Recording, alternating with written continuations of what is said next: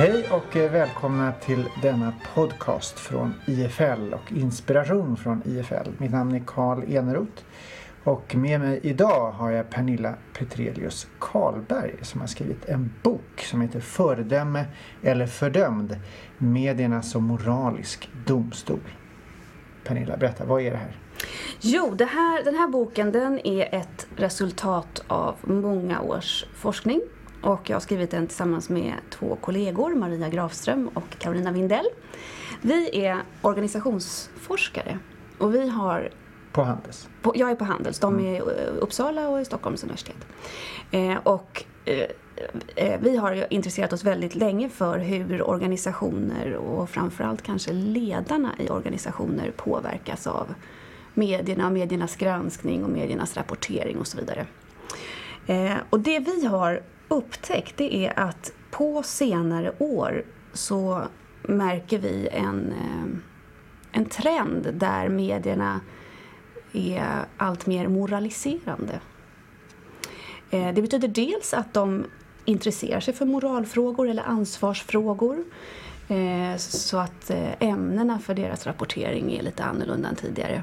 Men också att de använder moraliserandet, moralpanik och indignation som ett journalistiskt verktyg.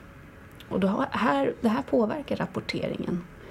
Eh, och vi ser till exempel väldigt mycket eh, eh, krav på avgång när någonting har gått snett i någon organisation. Och då kan man tycka att det är väl bra att man utkräver ansvar. Eh, men vi vill varna lite grann för att det blir för stor tonvikt på att, så att säga, få huvuden att rulla och, och, få någon att avgå snarare än att problematisera vad är det som har hänt och hur, hur blev det så här fel och hur kan vi ändra så att det inte uppstår igen. Kan man bara eh, stanna där lite mm. och titta på hur, hur kommer sig, tycker du, eller tror du att medierna just tagit den här moraliska aspekten? Har de inte alltid gjort det? Jo, de har naturligtvis alltid gjort det. Det ligger ju i, i, i liksom delvis i det journalistiska uppdraget. Men så som den tar sig uttryck nu, det är nytt tycker vi. Och det tror vi beror dels Dels så finns det ett större intresse i samhället för, för den här typen av frågor och moralfrågor och företagens moraliska kompass och så vidare. Det är inte bara aktieägarvärde och så vidare som är intressant. Eh, och det är ju det är väldigt positivt och vi ser hela den här CSR-rörelsen och så vidare. Det är liksom, eh, ja, signaler på samma trend. Eh, men sen så är det ju också en fråga om den, tror jag, dåliga ekonomi som många medieföretag sliter med. Alltså att redaktionerna krymper, färre och färre personer ska liksom ansvara för att granska mer och mer. Och då är det väldigt kostnadseffektivt med en sån här kommenterande åsiktsjournalistik. Eh, mm. Som handlar mer om att man tycker saker än att man tar tiden att verkligen gräva och undersöka Så lägger man över bevisbördan på andra istället? Precis. Och smärtar till med Just det. Och sen har vi en tredje utveckling och det är den här digitala utvecklingen i medielandskapet där det går så oerhört fort. Eh, så att det blir, man hela tiden jagar sin egen analys av senaste nyheten och då finns det plötsligt inte samma tid för källgranskning och, och, och så. Om man då kopplar ihop det med den här moraliseringen så, det, så kan det bli väldigt stora effekter av den här åsiktsjournalistiken. Som rullar in. Just det. Men spelar det här någon roll då för företagen? Kan de inte forma sin egen verklighet? Ja, det vi har sett då som är den, den stora så att säga, pucken i våran bok det är ju att det som händer är att företag tenderar att liksom tro att man måste anpassa sig till medierna, medierna har sån kraft. Eh, och man är väldigt ängslig, man blir rädd för medierna. Så antingen så eh, vågar man inte fatta beslut som sen behöver förklaras i media, men som kanske är besvärliga att förklara för att man är rädd för mediekritiken och att liksom få negativ rapportering. Och då, då fattar man inte de besluten och det är ju väldigt vanskligt för företag om man slutar att fatta svåra beslut. Det andra är att man kanske visst fattar beslut men att man då tenderar att begränsa beslutsunderlaget till mediebilden. Och, och liksom inte tar in andra... andra eh... Finns det fall på det? Eller ja, det skulle jag säga. Till exempel det här Carema-fallet som är väldigt omtalat där det var då Stockholms stad faktiskt sa upp avtalet med Carema och där då På även... basis av vad media hade skrivit? Ja, det säger då Finansborgarrådet. Precis, att nu har det varit så. Vi tror i och för sig att det här är bättre än vad det var tidigare men nu är det så mycket skriver så nu måste vi visa handling och göra någonting eh, åt det här och så har man då haft framförallt mediebilden och medierapporteringen som beslutsunderlag som sen långt senare då visar sig vara väldigt ensidig och bristfällig. Typiskt exempel på hur då de här politikerna måste liksom visa en handlingskraft och för att inte själva offras på det här mediernas altare så vidtar man en handling på lite för lösa grunder och lite för snabbt. Så företagens eh, självsyn eh, formas av medierna som finns på distans man måste förhålla sig till? Ja, precis. Och där finns det då, där vill vi liksom ifrågasätta hur hur mycket man måste anpassa sig. För idag har ju egentligen företag alldeles fantastiska möjligheter att själva nå ut med sin information, att skapa egna mediekanaler, att, att kommunicera direkt med sina intressenter och, och, och kanske faktiskt hoppa över eh, mediesteget i kommunikationen. Eh, och, och, att det är, väldigt, alltså det är verkligen ett ansvar som ledare och ledningsgrupper har att ge eh, sin bild av verkligheten och inte bara lämna walkover till det säga, så här, allmänna mediebilden. Och vill inte media också ha en sparringpartner i det här? Ja, det är en fråga vi undrar i boken. Vad, vad, vad är så att säga målsättningen? För ibland undrar, känns det som att, att liksom det yttersta målet med journalistiken är att någon ska avgå och därmed så har journalistiken varit framgångsrik. Jag tror att framgångsrik journalistik innebär så oerhört mycket mer än en del. Kan du ge några exempel på bra journalistik i dina ögon? Eh, alltså exempel på bra journalistik det är ju när jag menar, vissa sidor som ledarsidor eller kultursidor är ju eh, så att säga åsiktsjournalistik. Där ska ju tidningen ha subjektiva åsikter och, och, och liksom föra fram dem.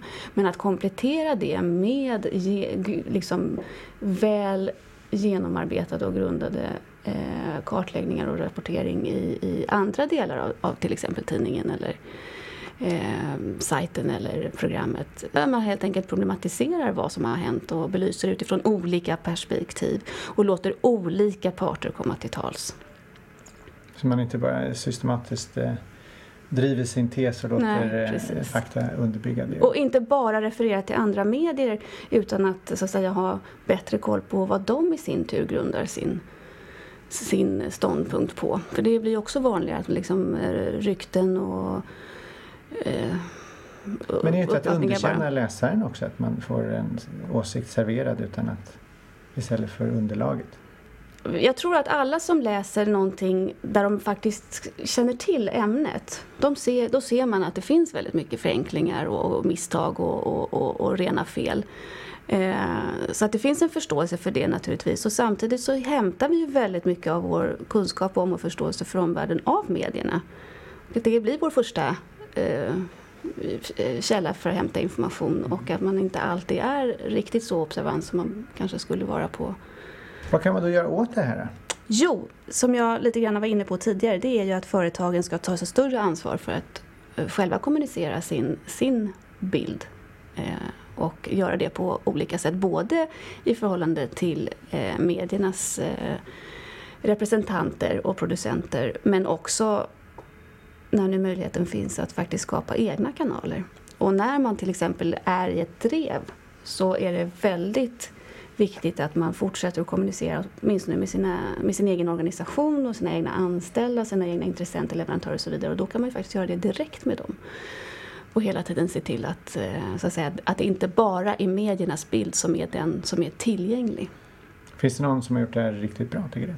Eh, jag tycker att det finns flera fall där vi har upplevt eh, olika drev. Vi hade under AMF-skandalen till exempel det gjort forskning som visar på att de ändå nådde fram till viktiga intressenter. Eh, och, då, och det är också den här idén om att det går inte att vinna mot medierna i, en, i ett offentligt, eh, så att säga, där man har olika syn på vad som har hänt eller vad som har, ska meddelas. Eh, och att man då tenderar att liksom försöka ligga lågt eller anpassa sig väldigt mycket en, en sån beröringsskräck finns absolut. Är det rätt tycker du att göra det eller? Jag kan förstå absolut att den finns därför att det är väldigt, väldigt kostsamt eh, att vara i, ett sånt eh, negativt drev. Eh, och man måste sätta in väldigt stora resurser och, och liksom organisationen tenderar att bli eh, mer eller mindre traumatiserad. Men jag menar att kostnaderna är ju för att, så att säga, inte våga ta och stå för sina beslut är ju ännu större i det långa loppet. Finns det någon som gör det där riktigt bra? Man tänker på Bildt, liksom, så ingen kommer åt honom. Han, han vänder alltid Ja, alla är- saker, det bara rinner av honom. Han är Det rinner av. Han är ett exempel på någon som har, har liksom, eh, valt en egen mediekanal i sin egen blogg och han ringde till eh, Ring P1 och eh, det är nog många som har beundrat det. Och samtidigt finns det ju också en kritik mot det att han inte då ställer upp på att låta sig intervjuas av mer pålästa journalister och, och, och så att säga väljer bort det som eh, kanske skulle vara besvärligare eller mer kritiskt mot honom. Och eh, jag tror att det är viktigt att man, eh, att den här transparensen som vi hela tiden pratar om i vårt samhälle och eftersträvar, att den faktiskt innebär någonting. Att inte allting som vi får höra och se är tillrättalagt utan att det eh, och är anpassat utan att vi faktiskt får höra Sanningen. sanningen från de som sitter inne med den. Så media har ju en viktig roll att spela i det här. Absolut! För man kan ju tänka på motsatsen när eh, media inte får fritt spelrum och då är det makten som, bara Ryssland, liksom, makten som, Ja, nej, som åh, definierar eh, vad som är rätt och fel och så varsågod. Nej, ja, precis. liksom. Nej, men medierna har ju en, en helt central roll i ett fritt och demokratiskt samhälle. Men då ska det också vara eh, så att säga, oberoende och eh, hyfsat fria medier. Eh, men när de blir för, eh, för upptagna av eh, att eh, vinna det här uppmärksamhetskriget och, och liksom göra sina kommersiella vinster och så vidare. Då, det är ju då som det här tenderar att dra eh, driva på i fel riktning så att det blir alla, det, det här, den här dåliga källgranskningen och, och, och att man hela tiden strävar efter att sätta dit någon eller att någon ska, liksom, man ska fälla någon snarare än att faktiskt försöka hitta lösningar på komplexa problem. Så hur ska, vilka, hur ska man kunna rädda, hjälpa journalister? Ja, Att- nej, men det här är en jätteviktig fråga. Alltså, vad är det hur tryggar vi en, en, en, en bra och eh, gedigen granskande journalistik i framtiden? Eh, det, det är ju en utmaning att hitta affärsmodeller för det. Och som många sliter med. Och en oroväckande utveckling. Men eh, då tackar vi. eh, Det var eh, otroligt spännande att höra här lite mer om medierna som moralisk domstol och att vi nu lever i en sån komplex värld där medierna är med och formar bilden av vad det är som egentligen sker. Och gör det så här i samarbete då med de som de granskar eller görs det oberoende eller vad är det för drivkrafter som, som finns bakom? Och det är en ständig debatt som fortsätter. Så tack så mycket. Tack själv. Eh, och eh, boken finns att hämta på SNS förlag om man så vill. Och vill ni höra mer om eh, IFL Inspiration så kan ni hitta det på vår hemsida ifl.se.